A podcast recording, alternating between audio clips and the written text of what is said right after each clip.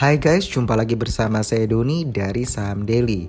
Jika di episode yang lalu, di episode 111 kita bicara mengenai ayam KFC dengan kode sahamnya FAST, FAS. Nah di episode 112 ini masih tentang ayam-ayam juga, yaitu di pakan ternak dan perusahaan ayam. Kalau teman-teman perhatikan nilai tukar rupiah terhadap dolar Amerika ini menguat ya dari level 14.525 rupiah menjadi ke 13.600-an.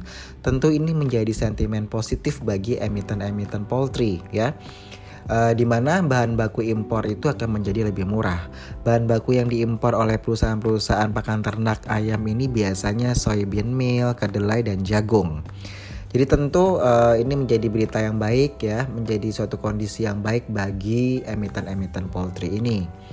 Walaupun harga jagung impor juga naik ya, jadi uh, eh, IDR-nya menguat tapi jagung impor juga tetap naik. Jadi tentu ini juga menjadi suatu yang uh, ya istilahnya membalancing lah ya.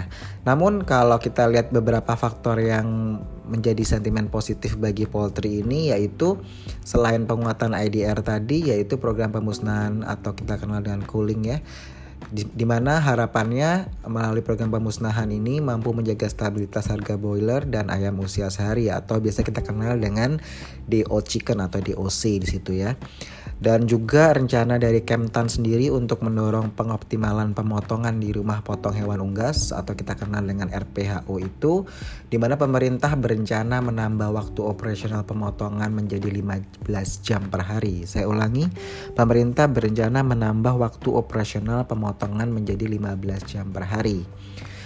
Kalau bicara mengenai emiten-emiten poultry, ada satu saham yang menarik untuk diamati yaitu PT Malindo Feed Mill Tbk dengan kode sahamnya MAIN atau MAIN. Untuk yang PT Java Confit Indonesia Tbk atau JPFA, Anda bisa dengar episode 7 ya di podcast kita episode 7 itu kita sempat bahas mengenai JPFA. Tapi untuk yang di episode 111 ini kita bahas mengenai uh, saham main ya, Malindo Feed Mill Tbk. Jadi supaya ada uh, angle yang berbeda. Jadi tidak tidak hanya selalu JPFA gitu. Mungkin one day kita akan review mengenai saham Cepin ya untuk uh, Malindo sendiri ini dia bergerak di industri pakan ternak dan peternakan anak ayam yang tadi saya sebutkan DO Chicken ya DOC. Di mana perusahaan ini mulai beroperasi operasional tuh di tahun di, di tahun 1998 di mana induk perusahaan ini ada Leo Hub International SDN BHD ya di mana perusahaan ini didirikan di Malaysia. Untuk saham sendiri, main ini listed di 10 Februari 2006. Untuk harga IPO saat itu di Rp880, sahamnya 57,27% dimiliki oleh Dragon Amity PTE Ltd, lalu 42,20% dimiliki oleh masyarakat, sedangkan 0,53% dikuasai oleh Leong Hub Singapura. Kalau kita lihat dari tahun 2017 hingga tahun 2019 dia rutin membagi dividen di kisaran 38 rupiah, 16 rupiah dan 22 rupiah per lembar saham di tahun 2019 ya. Kalau 2017 di 38 rupiah, 2018 di 16 rupiah per lembar saham. Untuk per annualized dia di 7,72 kali, PBVR-nya di 0,98 kali. Dividen payout ratio di 32,76%, ROE-nya di 12,74%. Untuk rentang harga, kalau kita perhatikan di tahun 2018 dia rentang harga sahamnya itu di 650 hingga 1.500 rupiah per lembar saham. Jadi kalau setahun aja kita bisa hitung uh, berapa kenaikan uh, harga sahamnya ya. Sedangkan di tahun 2019 dia range harga saham main ini di 860 hingga 1895 di mana dia mencapai harga 1895 itu di tanggal 13 Februari 2019 ya. Untuk di tahun 2020 awal ini dia ditutup ya melemah ke harga 895 rupiah per lembar saham as of 31 Januari 2020 ya yang saya tadi sebutkan. Uh, jadi awal Januari itu kayaknya di, di harga seribuan ya, lalu di 31 Januari dia di 895. Kalau kita hitung nilai intrinsic value dari saham ini di average di 1450 tadi saya sebutkan harga terakhir uh, closing akhir Januari di 895 yang artinya ini saham undervalued dengan fase downtrend. Jadi untuk technical uh, sudah harus tahu ya uh, misalnya di level-level harga mana anda harus key in di situ karena anda bisa lihat tadi saya sebutkan 2018, 2019, 2020 uh, kisaran harga di mana dan Anda bisa setting target Anda di mana begitu ya.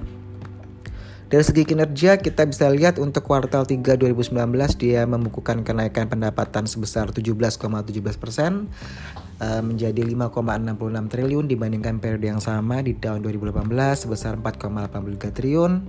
Saya ulangi 2018 di 4,83 triliun ya untuk pendapatannya. Lalu pendapatan terbesar itu dari penjualan pakan ternak yang tercatat sebesar 3,74 triliun atau naik 25,36% dari periode yang sama tahun lalu.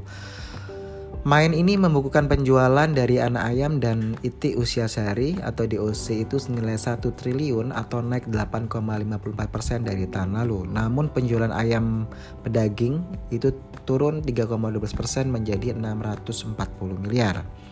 Sementara pendapatan dari makanan olahan dia tumbuh 14,14% menjadi 113 miliar dan pendapatan lain-lain tumbuh 0,59% menjadi 168 miliar. Namun membengkaknya beban pokok penjualan membuat laba perusahaan main ini turun ya, di mana beban pokok penjualannya membengkak sebesar 20,32% menjadi 5 triliun dari periode yang sama 2019 yang sebesar 4,16 triliun. Jadi uh, naiknya pendapatan tapi labanya menurun. Di mana kalau kita lihat main membukukan penurunan laba komprehensif yang diatribusikan kepada pemilik entitas induk itu turun sebesar 13,38 persen menjadi 195,39 miliar dibandingkan periode yang sama di tahun 2018 yang sebesar 225,59 miliar. Untuk Capexnya sendiri dia mencadangkan sebesar 530 miliar sebagian besar dana Capex ini ya sudah dialokasikan untuk membangun pabrik pakan dengan kapasitas 20.000 ton per hari. Nanti kalau pabrik pakan ini yang baru beroperasi, nah di sini main akan mendapatkan tambahan kapasitas produksi sebesar 20%. Ini yang saya bilang potensial ya. Uh, jadi kenapa kita angkat saham main di sini?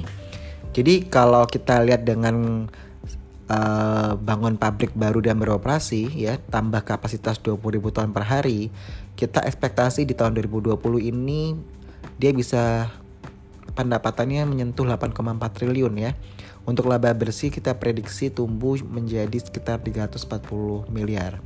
Jadi memang uh, suatu potensi yang baik untuk main dengan lagi downtrendnya harga saham Anda untuk kalau technical Anda bisa lihat grafiknya uh, Anda bisa tentukan apakah di bulan Januari atau sorry di bulan Februari awal ini adalah saat yang tepat untuk masuk di uh, saham main. Seperti itu. Untuk kompetitor uh, ada saya ambil tiga saham ya kompetitor dari saham main yaitu PT Korean Pokpen Indonesia TBK kode saham CEPIN ya ini di ini ditutup di harga 6750 ya 6750 sedangkan PT Japfa Confit Indonesia Tbk JPFA ini ditutup kemarin di 1460 lalu ada PT Syerat Produce Tbk SIPD ya ini di harga 990 kalau dari harga mungkin yang mendekati ya yang SIPD ya 990 ya. Karena main kemarin ditutup di harga 895 uh, dan yang harus diketahui bahwa memang untuk pakan ternak dan perusahaan ayam ini sangat uh, tergantung dengan harga bahan baku terutama untuk jagung ya dan juga dengan nilai tukar rupiah. Kita masih tunggu uh, rilis laporan keuangan untuk periode uh, kuartal keempat ya tahun 2019. Apakah dia akan ditutup uh, bagaimana? Nah itu nanti kita akan tunggu. Tapi uh, dengan adanya pabrik pakan yang baru ini harapannya sih memang sesuai ekspektasi di 2020 dia bisa lebih bertumbuh ya untuk saham main ini.